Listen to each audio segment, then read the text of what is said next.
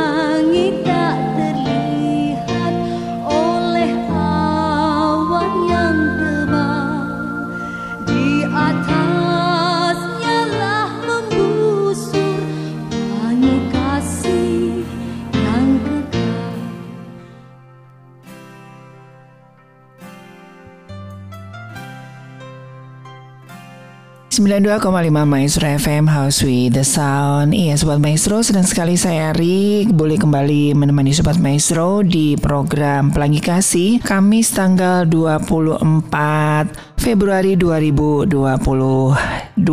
Dan iya Sobat Maestro dalam program Pelangi Kasih kali ini Kita akan membahas salah satu Ya kalau mau dibilang uh, uh, tren juga bukan tren Tetapi hari-hari ini sangat banyak sekali ditemukan bahwa anak-anak yang khususnya di milenial mereka bukan tidak percaya Tuhan, tetapi mereka menyatakan dirinya sebagai agnostik. Wow, nah agnostik ini berbeda dengan uh, ateis begitu. Saya mendampingi dan bertemu dengan beberapa anak-anak muda. Nah, ternyata di era milenial saat ini tidak sedikit anak-anak muda yang menganut agnostik. Mungkin salah satunya adalah putra-putri Anda. Ini harus menjadi perhatian yang sangat luar biasa bagi keluarga ataupun juga pendidik begitu ya. Karena dari mereka itu rata-rata tidak mendapatkan jawaban yang pas dari pertanyaan-pertanyaan mereka tentang keberadaan Tuhan. Nah, sobat maestro, mungkin Anda sering kali mendengar bahwa ada yang mengatakan bahwa I am agnostic now. Sorry, I am not about religion. Nah, kata-kata ini sudah mulai sering terdengar dari obrolan generasi milenial. Bagi mereka, agama cukup sebagai identitas untuk kepentingan kependudukan. Mereka lebih menyukai menjadi orang yang meyakini Tuhan tanpa adanya amalan agama.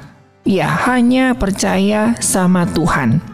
Nah, sobat maestro, di era yang serba teknologis ini berkeyakinan bukan semata pilihan privasi individu, tetapi sudah menjadi bagian dari gaya hidup, ya, gaya hidup, lifestyle. Berbeda dengan zaman dulu, orang memeluk suatu agama sebagai pilihan sosial yang membanggakan. Apalagi memeluk suatu agama selalu dikaitkan dengan struktur sosial, khususnya relasi ekonomi politik. Kini zaman telah berubah seiring dengan perkembangan pola pikir dan kecenderungan hidup masyarakat. Beragama secara formal dengan rangkaian ritualnya dianggap jadul nih Sobat Maestro. Iya, ada kecenderungan masyarakat modern memandang orang beragama ini sudah usang atau jadul, kurang menarik dan menurut mereka, ya orang-orang dari agnostik ini, orang beragama sering menampakkan tingkah laku yang kurang bersahabat dengan sesama, saling mencaci, menghina, menyakiti, bahkan saling serang dan baku hantam muncul karena alasan agama. Nah, saya sudah ketemu dengan beberapa teman yang dia jelas-jelas menyatakan diri sebagai agnostik. Jadi agnostik ini berbeda dengan ateis ya sobat maestro. Kalau ateis ini adalah orang-orang yang memang tidak mempercayai adanya Tuhan. Tetapi orang-orang yang agnostik, mereka ini percaya Tuhan itu ada, tetapi mereka tidak mengikuti aturan-aturan yang ada ya. Jadi orang-orang agnostik ini percaya bahwa Tuhan itu ada, Tuhan yang menciptakan segalanya. Tetapi mereka masih mempertanyakan keberadaan Tuhan yang sesungguhnya itu itu yang seperti apa. Jadi mereka tidak mau diikat oleh religius, ya tidak mau diikat dengan tata aturan-aturan agama. Jadi apa yang dia percayai, ya itulah yang dia yakini begitu ya. Nah, nanti kita akan coba lihat ya bagaimana pemahaman ataupun um, ya persepsi orang-orang agnostik ya beberapa sahabat saya yang agnostik. Mungkin juga salah satunya adalah putra-putri kita.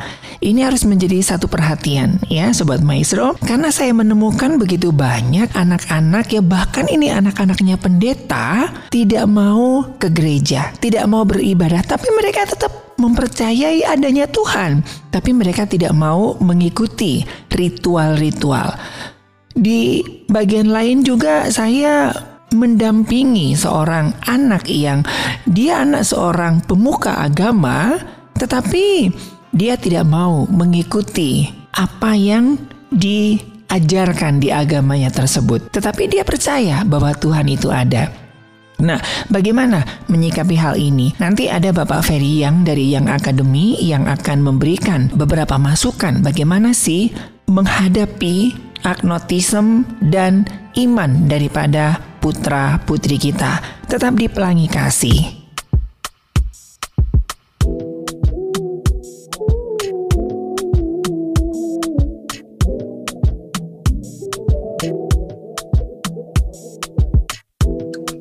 Big up to my brother.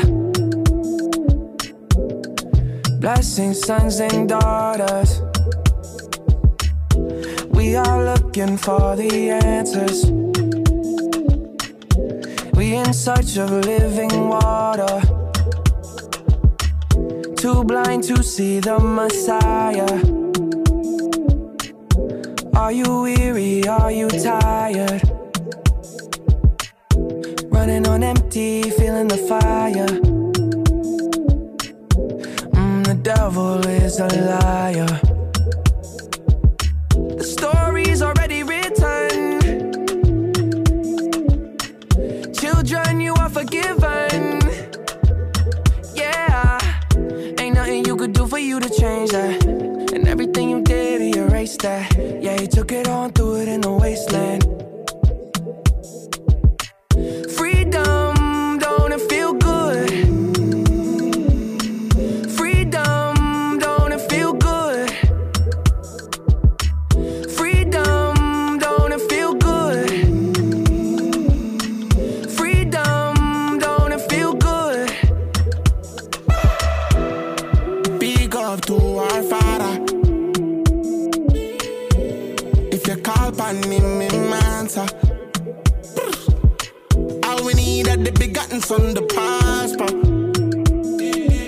Dead resurrected, the devil tried test it, him lost.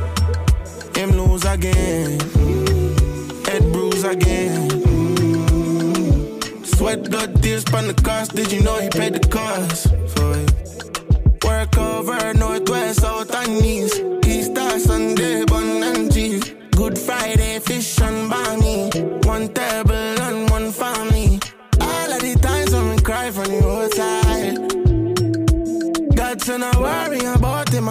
London till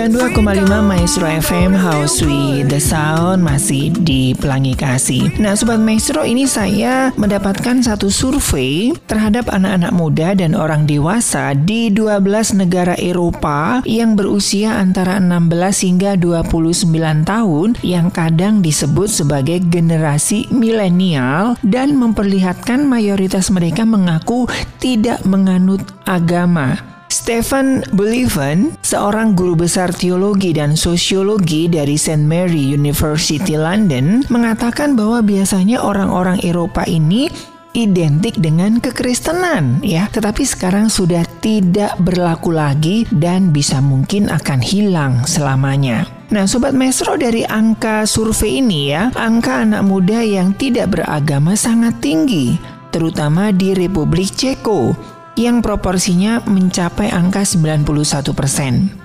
Kecenderungan tidak menganut agama tertentu juga tinggi di Estonia, Swedia, dan Belanda yang angkanya berkisar antara 70 hingga 80 persen. Sementara yang mengaku paling religius dalam pengertian secara terbuka mengaku menganut agama adalah anak-anak muda di Polandia, diikuti oleh Lituania dan Austria. Warga di Eropa secara tradisional mengaku sebagai pemeluk Kristen. Nah Sobat Maestro, di Republik Ceko 70% anak-anak muda mengatakan tidak pernah ke gereja atau ke tempat ibadah lainnya dan 80% mengaku tidak pernah beribadah. Dalam sebuah wawancara, Bulevan mengatakan secara budaya, afiliasi agama biasanya muncul jika seseorang besar dan tumbuh dengan pengaruh agama yang kuat. Tapi bagi generasi milenial, pengaruh agama lemah atau bahkan tidak ada sama sekali. Memang ada pendidikan agama Kristen di sekolah, tapi pendidikan ini tidak membekas pada generasi ini. Rendahnya afiliasi agama juga tercermin ketika anak-anak muda yang disurvei menjawab pertanyaan tentang praktek beragama. Di Inggris, Prancis, Belgia, Spanyol, dan Belanda, antara 50 hingga 60 persen mengatakan tidak pernah ke gereja. Hanya di Polandia, Portugal, dan Republik Irlandia, di mana lebih dari 10 persen anak-anak muda mengatakan menghadiri misa atau kebaktian setidaknya sekali dalam sepekan. Nah Sobat Maestro, mungkin ini yang menjadi uh, pertanyaan kita juga ya. Banyak sekali anak-anak muda sekarang Jangankan di Eropa, di Indonesia sendiri, di Bandung sendiri, mereka rata-rata enggan untuk beribadah. Apakah mereka sudah terinfeksi dalam tanda kutip virus dari agnostik?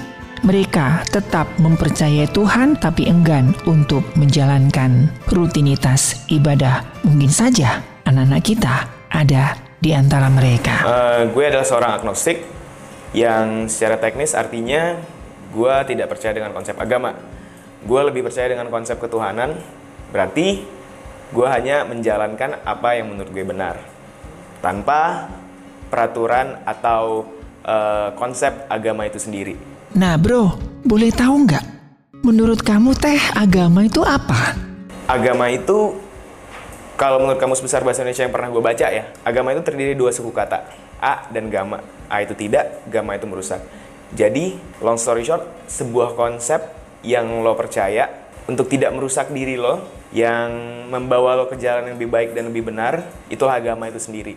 Jadi, balik lagi kenapa gue menjadi seorang agnostik, itu karena menurut gue sendiri, tidak ada suatu konsep agama mana pun di dunia ini yang salah. Jadi, gue di sini menjadi seorang agnostik karena gue memilih untuk tidak memilih. Supaya gue tidak terkotak-kotakan gue tidak mengikuti atau menyalahkan bahkan yang mana pun karena satu hal yang paling gue percaya adalah ketika gue menjalankan sesuatu selagi gue seneng selagi gue bahagia dan yang paling penting gue nggak menyakiti orang lain ya sudah bisa diceritain nggak uh, proses hidup kamu dalam mendalami sebuah keyakinan yang sedang kamu yakini saat ini? Gue lahir dan besar di lingkungan keluarga yang sangat dekat dengan agama. Let's say religious kalau di terms kita. Uh, kalau misalnya berbicara soal suku, ras, gue orang Minang. Gue inget banget ketika gue SD, gue pernah banyak baca-baca buku di situ gue mulai tertarik dengan sains. Di situ gue mulai tertarik dengan pikiran-pikiran bebas yang semuanya dipertanyakan, yang semuanya harus ada jawaban. Ketika gue mulai masuk SMP, gue mulai mencoba untuk menjadi seorang yang denying. Di situ gue mulai berangkat untuk menjadi seorang yang bahkan ateis. Gue sangat tidak percaya dengan konsep ketuhanan itu sendiri bahwa kita semua berada di dunia ini, bahwa kita semua hidup di dunia ini, lahir di dunia ini itu cuma purely coincidence. Tidak ada sebuah perencanaan apa pun, tidak ada sesuatu yang mengatur. Ya lo hidup sebagai diri lo, lo ngejalanin, tidak ada yang namanya takdir, tidak ada yang nama semuanya adalah hasil usaha dan hasil perbuatan lo sendiri. Itu ketika gue SMP. Terus mulai berlanjut, mulai berlanjut, kita semua kenal yang namanya teori uh, kekekalan energi. Kalau misalnya waktu kecil gue nonton Stephen Hawking, beliau pernah ngomong dunia ini uh, terbentuk dari Big Bang. Itu salah satu teorinya. Kalau memang energi itu kekal, berarti tidak mungkin sesuatu itu dimulai dari ketiadaan. Tidak mungkin kalau misalnya nggak uh, ada sesuatu yang nge-trigger dunia ini berjalan, dunia ini nggak bakal berjalan. Di situ gue mulai berpikir bahwa Tuhan itu harus ada. Tuhan itu yang memulai segalanya. Dialah sang alfa dan dialah sang omega. Di situ gue mulai Tuhan harus ada. Lalu gue di situ mulai mempelajari apa sih konsep ketuhanan itu sendiri sampai gue mulai mengerti dan gue mulai mempercayai bahwa Tuhan itu sendiri ini menurut gue pribadi ya Tuhan itu sendiri adalah sosok refleksi sempurna dari manusia yang paling sempurna jadi misalnya maha sempurna maha benar maha melihat maha mengetahui maha segalanya itulah Tuhan dan manusia itu tidak bisa seperti itu. Tapi di satu sisi manusia itu selalu pursuing gimana sih caranya menjadi yang lebih baik karena basically manusia pasti ingin menjadi yang lebih baik. Di situ gue mulai percaya Tuhan. Gue juga pernah ditantang sama teman gue, gue inget banget. Dia bilang guru filsafatnya pernah bilang bahwa yang menciptakan Tuhan itu manusia. Di situ gue ketawa. Dia bilang gue nggak percaya banget karena bla bla bla bla bla bla bla. Gue ngejelasin dari dasar ke dia. Coba lo pikir, Tuhan is a concept. Begitu juga dengan agama. Tuhan itu dan agama adalah sebuah konsep. Ya tergantung gimana caranya lo percaya aja. Ya kalau misalnya menurut gue pribadi, kalau misalnya kita tarik ke zaman dahulu, apa sih kepercayaan paling awal di dunia ini? Ya animisme dan dinamisme, di mana orang zaman dahulu tidak bisa menjelaskan petir, tidak bisa menjelaskan ada pohon besar, ada matahari, ada badai, segala macam. Itulah dianggap mereka yang lebih berkuasa daripada mereka. Itulah yang menjadi agama mereka, acuan mereka. Lalu apa yang menurut kamu sehingga kamu itu memutuskan untuk tidak percaya dengan agama, bro?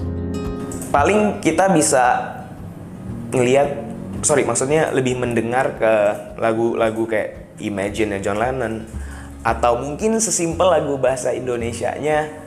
Gue sih sangat suka sama lagunya Ahmad Dhani dan Krisya dulu dia nanya jika surga dan neraka nggak pernah ada, masihkah kau kan bersujud padanya? Nah di situ gue malah ketawa, bener-bener kayak gimana ya, ketrigger kayak jadi jika memang agama itu ada, termasuk Tuhan itu sendiri ada dengan segala macam konsep yang kita percaya. Kenapa? Kita memang pursuing harus surga, harus neraka, tapi kita tidak pursuing something apa ya? Tidak pursuing something menjadi uh, be a better human being aja sesimpel itu. Let's say misalnya lo memilih untuk menjadi seorang dengan agama A. Lo menjalani konsep agama itu dengan baik lo menyadari apa yang lo peluk apa yang lo percaya adalah yang paling benar. Tapi lo tidak bisa menyalahkan orang lain. Karena orang lain berada di posisi sama dengan lo.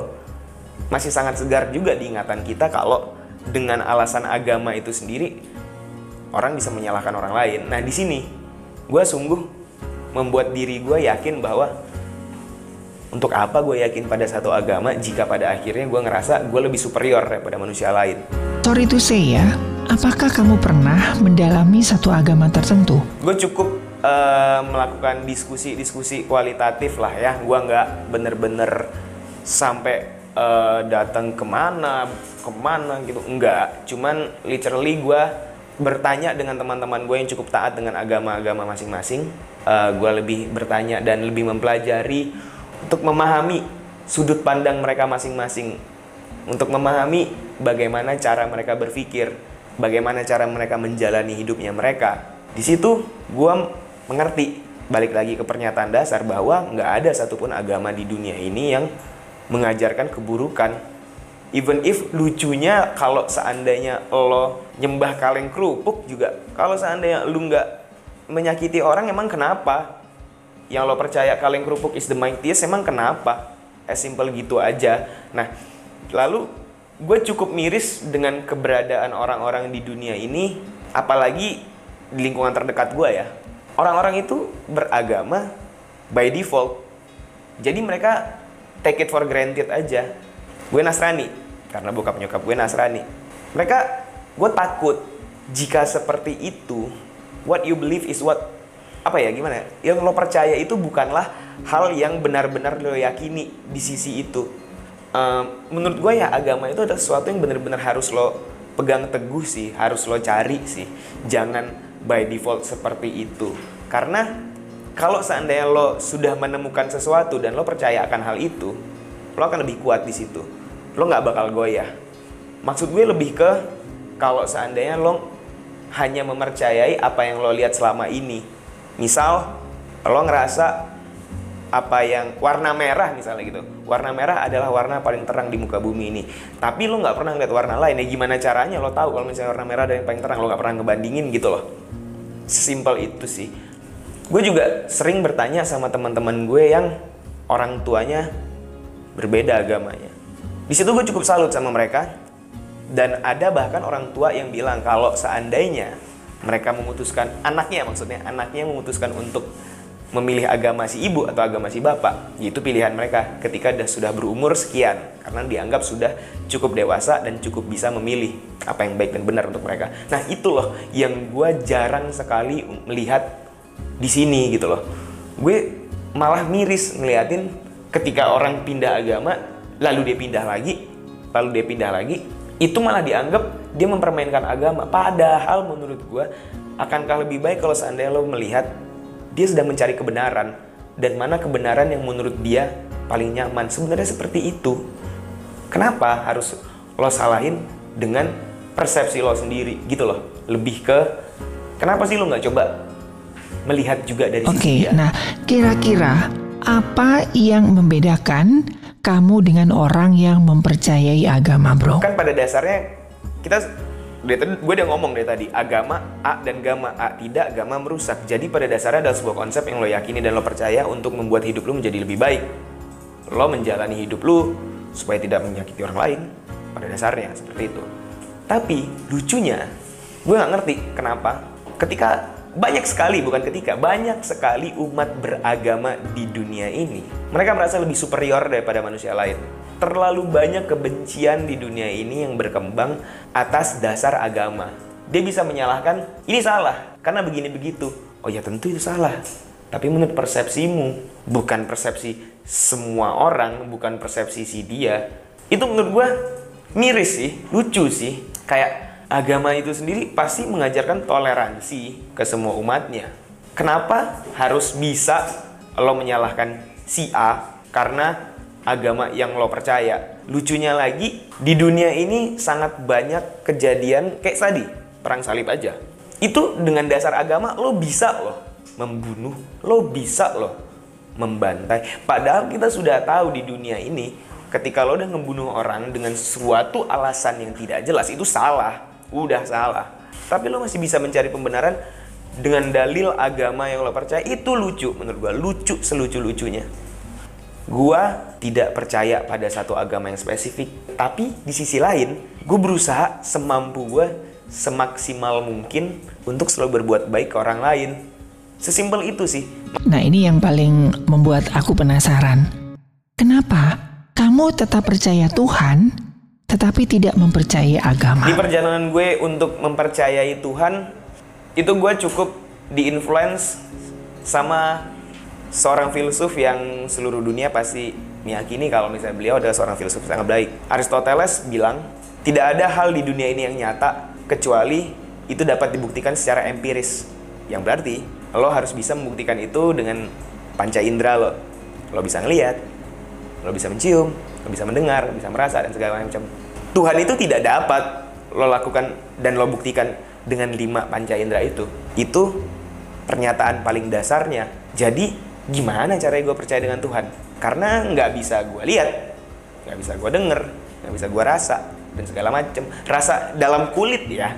Kayak ini kan indera perasa ya, bukan bukan rasa di hati. Nah, balik kalau misalnya ngomongin rasa di hati, di perjalanan gue selanjutnya gue lupa nama filosofnya itu filosof asal Amerika gue nggak salah dia bilang dari semua hal yang harus dibuktikan secara empirik ada satu hal yang tidak dapat dibuktikan secara empirik. Itu namanya afeksi hubungan. Nah, di afeksi inilah kita bisa merasakan kehadiran cinta, kasih sayang, uh, empati segala macam segala macam. Nah, di situ masuk gue bilang, "Oh, berarti Tuhan itu bisa ada di sini." Karena manusia itu butuh sosok yang menjadi tolak ukurnya. Dalam artian manusia itu harus ada yang dilihat dia, oh ini sempurna nih. Berarti paling tidak saya harus berusaha menjadi seperti ini.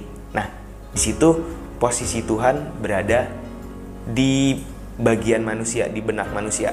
Dari situlah gue mulai yakin dan mencoba meyakini bahwa Tuhan itu harus ada di diri manusia itu sendiri. Dan Tuhan itu juga dapat dibuktikan dengan teori kekekalan energi yang nggak mungkin energi itu tiba-tiba ada dari ketiadaan atau dari yang sudah ada sesuatu terus tiba-tiba hilang. Itu hanya berubah bentuk.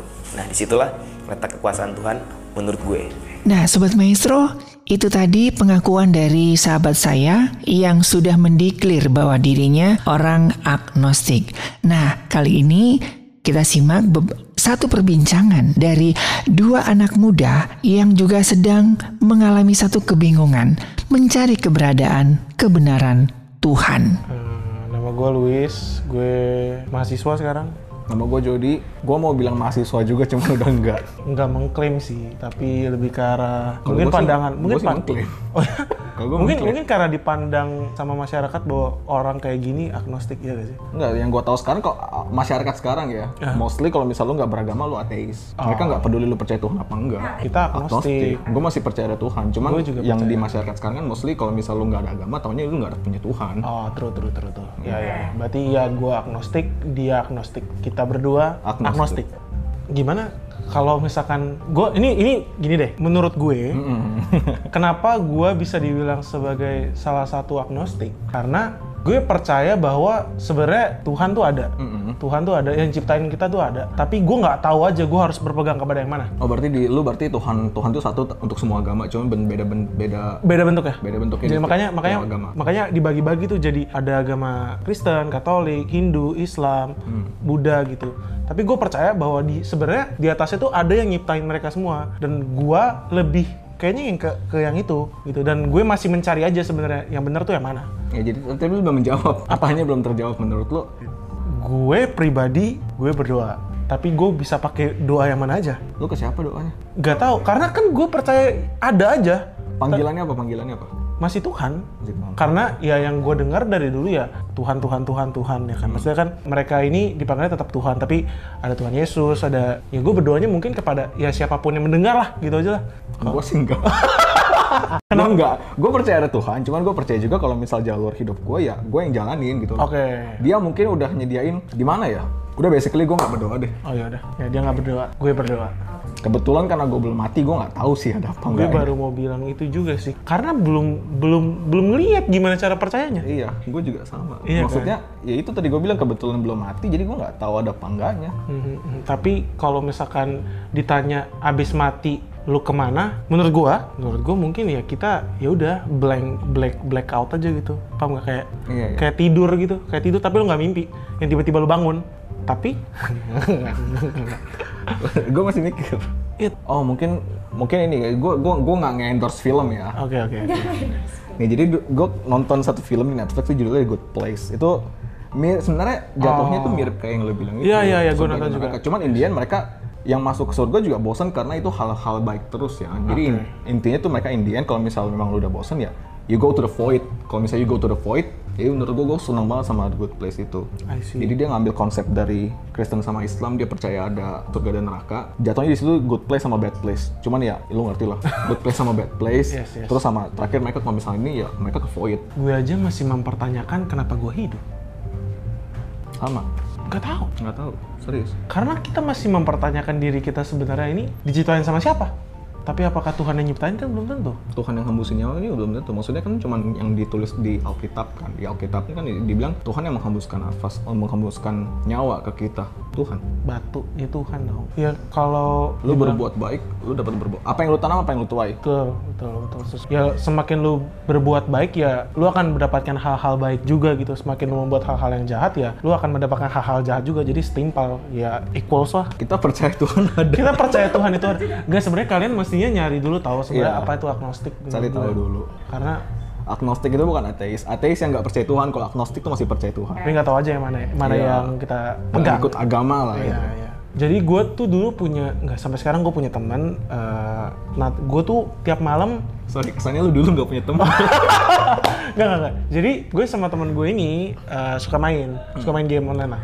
Terus malam-malam kayak kita tuh biasa main sampai subuh, sampai jam 4, sampai jam 5. Tapi dari jam kayak sekitar jam 12-an, biasa kita tuh mainnya bukan yang kayak intens main sejam, main-main gitu. Kita tuh ngobrol gitu. Dan at some point kita mengobrolkan agama-agama kebetulan. Sampai titik di mana dia nanya, terus kalau kayak gitu kita hidup buat apa sih?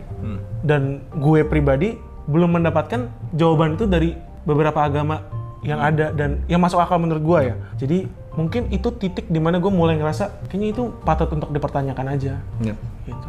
Kalau gue sebenarnya sama kayak yang lu lakukan, cuma bedanya kalau misal lu kan berdua kan, Ya. tiba-tiba ngomongin ke agama dan menurut gue itu oke banget soalnya itu eye opening jadinya kan. kayak lu bukan maksud gue lu harus mempertanyakan agama lu cuman ya nggak salah dong kalau misalnya lu mempertanyakan gitu kan kalau misalnya lu kan tadi ngobrol soal agama terus jadi mempertanyakan hal itu kan kalau Yes, gue yes. sendiri Hmm. Gue tiba-tiba aja nggak tahu gue hidup buat apa gitu ya.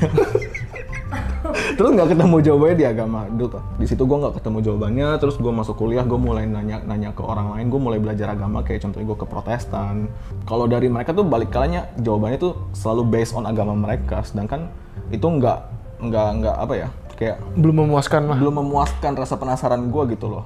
Gue pengen tahu kalau misal emang jawaban lu tapi nggak yang based on agama gitu loh Gue butuh. ya itu harapan sebenarnya harapan Oh, itu Kita harapan butuh- ya? kita butuh jawaban Oke, iya. bukan harapan deh butuh ya kita yang kita butuhkan tuh jawaban Iya, kayak kita mungkin di di kepala kita tuh ada beberapa pertanyaan yang masih belum terjawab dengan 100% gitu kali ya. Dan saat belum kita men- 100% puas Betul, dan kita saat nyari-nyari pun balik lagi ya belum ketemu gitu dan mungkin itu yang membuat kita jadi seperti ini dan siapa tahu kalau misalkan nanti ya ya mungkin kita bisa mulai memilih saat itu.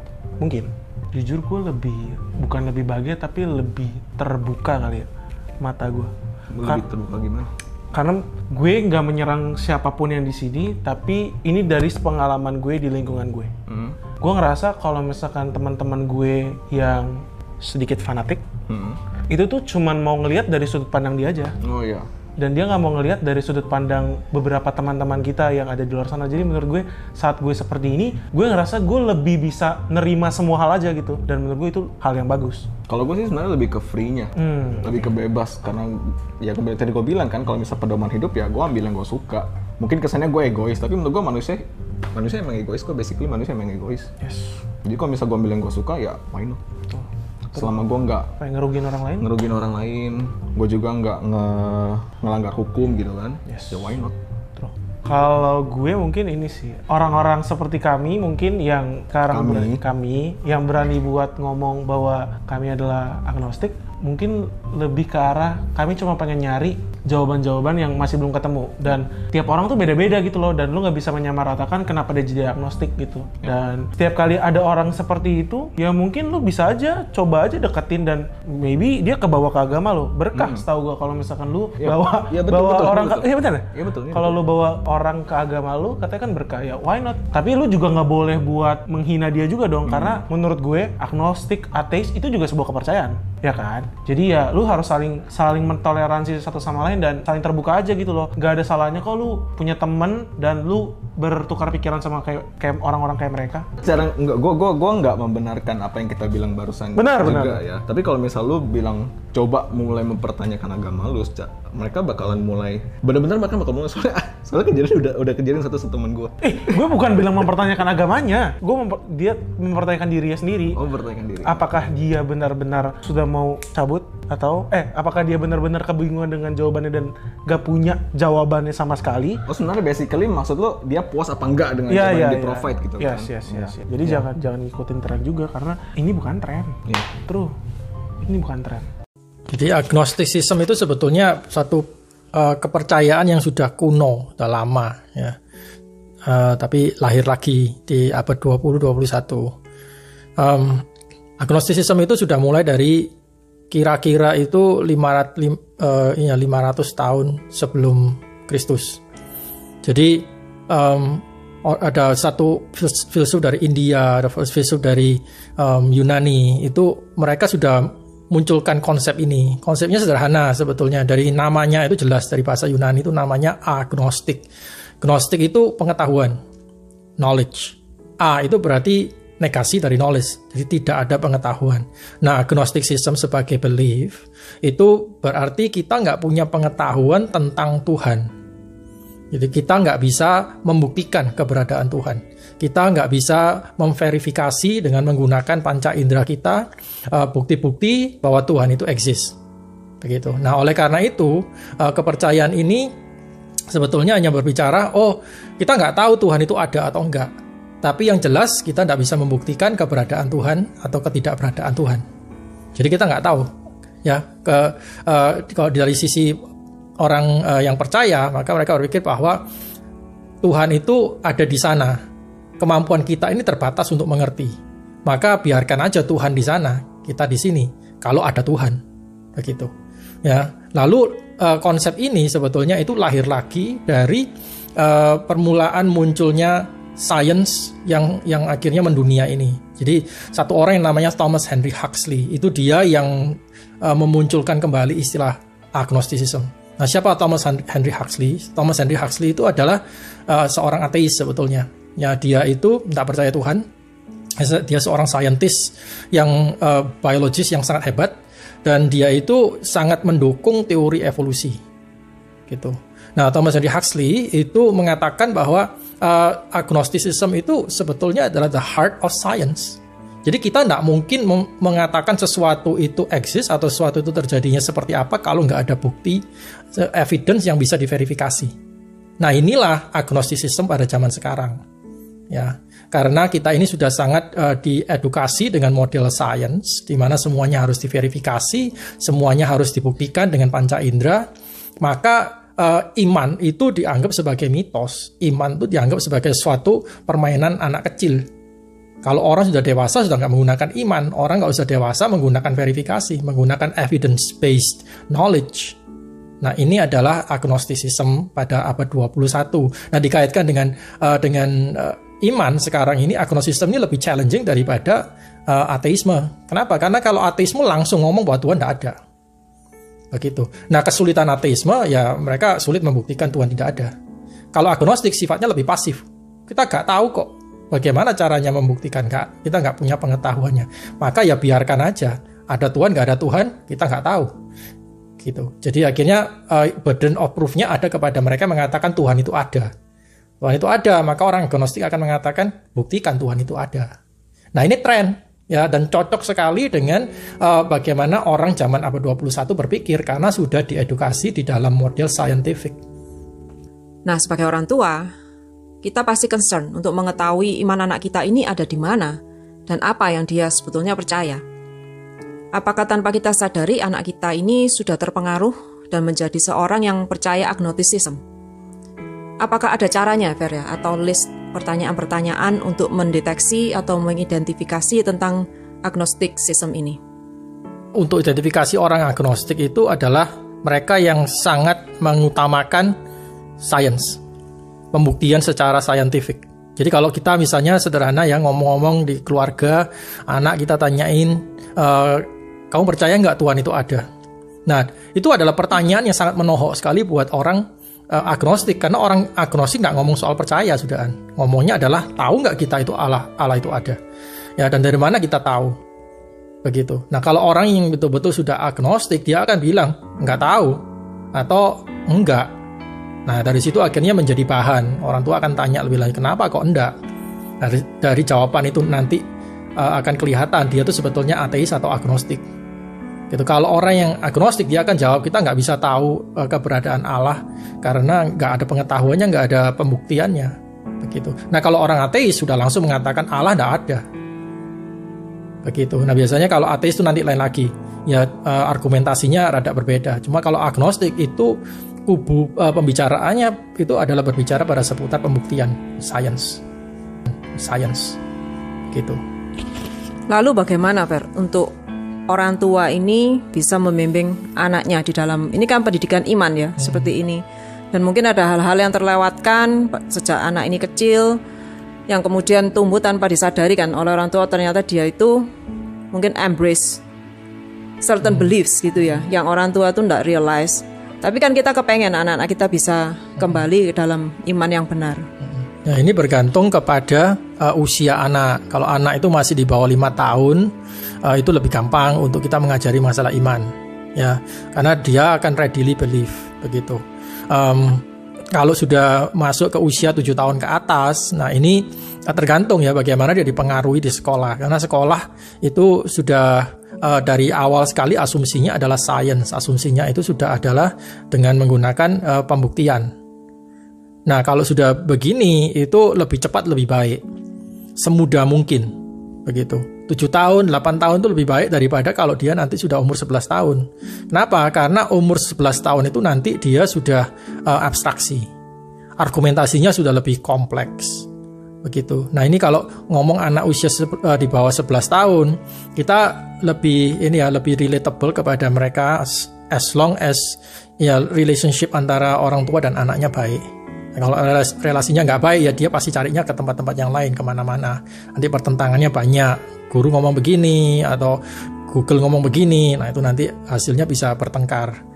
Ya, cuman uh, kalau pendidikan iman itu dari awal ya dari sejak anak itu masih kecil bicarakan kelihatannya mereka nggak ngerti tapi sebetulnya mereka ngerti. Ya kita sering meremehkan anak usia di bawah 2 tahun. Kita pikir oh anak di bawah usia 2 tahun itu nggak mengerti. Oh mereka ngerti kok. Nanti begitu mereka sudah mulai uh, bisa merangkai kata-kata keluar semua apa yang kita uh, selama ini omongkan nanti akan keluar semua dia akan membeo ya nah pengertian itu akan datang mulai uh, usia-usia mereka mengerti merangkai kata-kata nah akhirnya bertambah terus pengertian itu. Ya, dia akan mulai bertanya. Biasanya anak usia 3-4 tahun sudah mulai pertanyaannya banyak. 4 tahun itu the mark of uh, questioning age. Jadi dia akan mulai tanya mengapa? Mengapa begini? Mengapa begitu? Itu startnya mulai umur 4.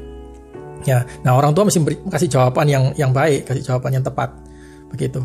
Nah kalau anak usia 11 tahun ke atas, nah ini yang lebih susah. Cuman uh, kalau kita belajar uh, bagaimana kita bisa berargumentasi yang sifatnya persuasi itu sangat membantu sekali. Ini retorika ya. Contoh sederhana aja, uh, kalau kita berargumentasi, uh, ajak anak itu berpikir bahwa ternyata semua hal yang kita lakukan itu butuh iman. Ya, misalnya uh, anak dikasih tahu eh aku adalah papamu, aku adalah mamamu. Kan nggak perlu dibuktikan begitu loh. Anak dari dari awal sudah langsung percaya ada belief itu bahwa orang tua ini trustworthy. Dan itu pun tidak di dalam conscious dia gitu, tidak di dalam logika dia. Oh karena orang tuaku ini trustworthy maka aku percaya kepada dia. Nggak ada uh, statement itu berjalan di pikiran dia. Dia langsung otomatis. It's instinctive di dalam dirinya dia. Begitu.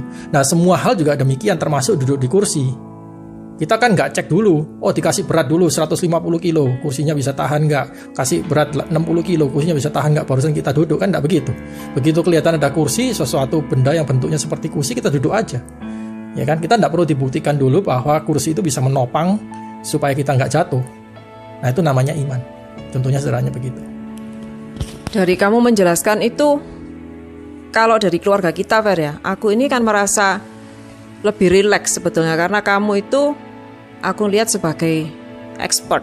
Kamu belajar dan sekolah teologi, sekolah pendidikan. Jadi kesannya tuh ringan di aku. Tapi aku membayangkan kalau aku ini sendirian harus berhadapan dengan anak-anakku. Kemudian misalnya aku ketemu ternyata anakku ini punya belief agnostic system. Lalu aku nih merasa harus bagaimana ini? Aku tidak punya cukup knowledge untuk bisa berargumentasi dengan anakku ini sendiri. Hmm. Menghadapi hal begini bagaimana, Fer? Karena pasti banyak orang tua mengalami gitu. Iya, ya mungkin 90% yang ngalamin kayak gitu ya. Jadi gini, jangan keburu dijawab. Kalau misalnya anak menunjukkan indikasi seperti itu dan siap untuk bertempur, ya, karena biasanya mereka sudah kalau sudah memang masuk dalam agnostisism, sadar atau nggak sadar, mereka sudah punya asumsi dasarnya. Nah, kalau sains itu kan kuat sekali. Ya, kita semua dididik dalam wilayah sains, ya. Dan anak-anak kita juga. Jadi sabar aja. Kalau misalnya mereka ngomong seperti itu dan kalian nggak punya uh, jawabannya langsung, nggak usah dijawab langsung. Nanti uh, tunggu. Uh, bilang aja bahwa oh interesting ya pikiranmu ya. Sudah, setelah itu retreat. Silakan research setelah itu. Ada jeda waktu. Anak-anak nggak perlu langsung dijawab pada saat itu. Gitu. Kalau misalnya mereka nah, bertanya ini kok begini bisa seperti apa kalau ini begini kenapa kok dan seterusnya. Yang pertanyaan kenapa bagaimana kok bisa begini dan seterusnya. Kalau kita nggak bisa jawab nggak apa-apa tunda aja. Oh iya nanti aku jawab uh, uh, waktu yang akan datang gitu ya. Kita research aja dulu. Ya kan? Nah setelah kita siap eh, jawaban ajak anak duduk untuk ngomong gitu. Jadi jangan buru-buru harus saat ini punya jawaban nggak begitu. Sekarang tentang dampaknya. Uh, kalau anak kita percaya kepada agnostic system ini, apa dampaknya kepada iman anak kita atau kepada kehidupan dia? Kalau secara umum dampaknya itu logikanya nggak lengkap. Jadi banyak hal sebetulnya di dunia ini nggak bisa dibuktikan dengan verifikasi uh, dengan panca indera. Jadi ini kan uh, sebetulnya secara empiris. Jadi empirical verification itu terbatas, gitu. Jadi kita nggak bisa um, membuktikan segala sesuatu dengan uh, apa yang kita uh, punya ini secara panca indera, ya. Tapi kita juga bisa membuktikan sebetulnya dengan logika, ya kalau misalnya satu tambah satu sama dengan dua terus kita menggunakan konsep uh, apa sih uh, luas dari segitiga kita menggunakan setengah alas kali tinggi. Nah ini uh, perhitungan-perhitungan seperti ini kalau menggunakan pembuktian matematika kita nggak bisa membuktikan secara empiris, secara panca indera dilihat, diraba, disentuh, dicium, didengar begitu. Jadi ada pembuktian-pembuktian yang yang menggunakan hal yang lain. Uh, hal sederhana misalnya ya, kalau kita melihat uh, suatu kasus um, anggap aja satu kasus pembunuhan misalnya kasus pembunuhan lalu pisau itu tertinggal di ini di di uh, apa orang yang dibunuh. Terus habis itu dicek oleh bagian forensik ditemukan ada sidik jari. Lalu sidik jari di trace ketemu satu orang misalnya namanya A. Lalu dianggap dengan asumsi bahwa sidik jari itu milik dari A maka A pasti membunuh uh, orang yang uh, itu yang meninggal itu. Nah ini adalah satu uh, cara untuk orang ini ya mau mengatakan bahwa kasus ini adalah kasus yang valid dan uh, si A ini memang layak dihukum karena dia melakukan kejahatan. Tapi sebetulnya kalau kita lihat lebih jauh lagi logika ini nggak lengkap. Ya, memang menggunakan uh, cara-cara saintifik. Tetapi kita bisa bertanya, bukankah ada kemungkinan bahwa pisau itu bukan uh, bukan ini ya maksudnya yang membunuh bukan si A tetapi itu adalah di uh, direncanakan oleh orang lain yang menggunakan atau memanipulasi mengeksploitasi pisau yang dimiliki oleh si A supaya si A yang yang dihukum. Bisa ya kan? Maka butuh kepercayaan kepada ahli forensik butuh kepercayaan kepada investigator. Nah kepercayaan inilah nggak bisa dibuktikan secara panca indera secara empiris. Ada hal yang lain di atasnya maka kalau kita uh, ini ya hanya bergantung kepada konsep dasar dari agnosticism yaitu uh, scientific method, hard scientific method di dalam membuktikan sesuatu, maka kita logika nggak lengkap. Ya. Kalau berkaitan dengan masalah iman, wah apalagi ya itu jauh uh, lebih ini ya berdampak secara negatif. Nah, dalam iman Kristen kalau kita baca ya dari Ibrani pasal 11 ayat yang ke-6 dari 11 ayat 6 mengatakan, tetapi tanpa iman tidak mungkin orang berkenan kepada Allah. Sebab barang siapa berpaling kepada Allah, ia harus percaya bahwa Allah ada dan bahwa Allah memberi upah kepada orang yang sungguh-sungguh mencari dia. Harus percaya, ya. Tapi Allah nggak bisa dibuktikan secara empiris, nggak bisa dibuktikan secara saintifik uh, menggunakan panca indera kita. Nggak bisa, nggak bisa dilihat, nggak bisa diraba, nggak bisa disentuh, nggak bisa dicium, nggak bisa didengar, ya kan? Lalu bagaimana kita mau mempercaya Allah menggunakan agnosticism, menggunakan sains? Nggak bisa. Nah, ini adalah elemen yang berbeda sekali dari apa yang disodorkan oleh agnosticism. Ya, jadi harus menggunakan iman. elemen itu yang hilang di dalam agnosticism. Padahal sebetulnya juga ya ini ini kalau kita membaca dari buku Alvin Plantinga ya Alvin Plantinga argumentasinya luar biasa Warren and Proper Function. Itu dia uh, mengatakan bahwa uh, ternyata semua orang di dunia ini tetap menggunakan yang namanya iman. Entah engkau orang yang hardcore scientific ya yang maunya itu uh, memverifikasi segala sesuatu baru bisa mengatakan bahwa sesuatu itu ada atau sesuatu itu terjadi ataupun engkau adalah orang yang tidak memerlukan ya terlalu hardcore scientific ya dia bisa percaya orang semua orang itu beroperasi secara iman secara percaya nah, bahkan ya science uh, atau scientist ketika mereka melakukan research ketika mereka itu mau memverifikasi data mereka harus punya iman. Iman kepada apa? Iman kepada teori.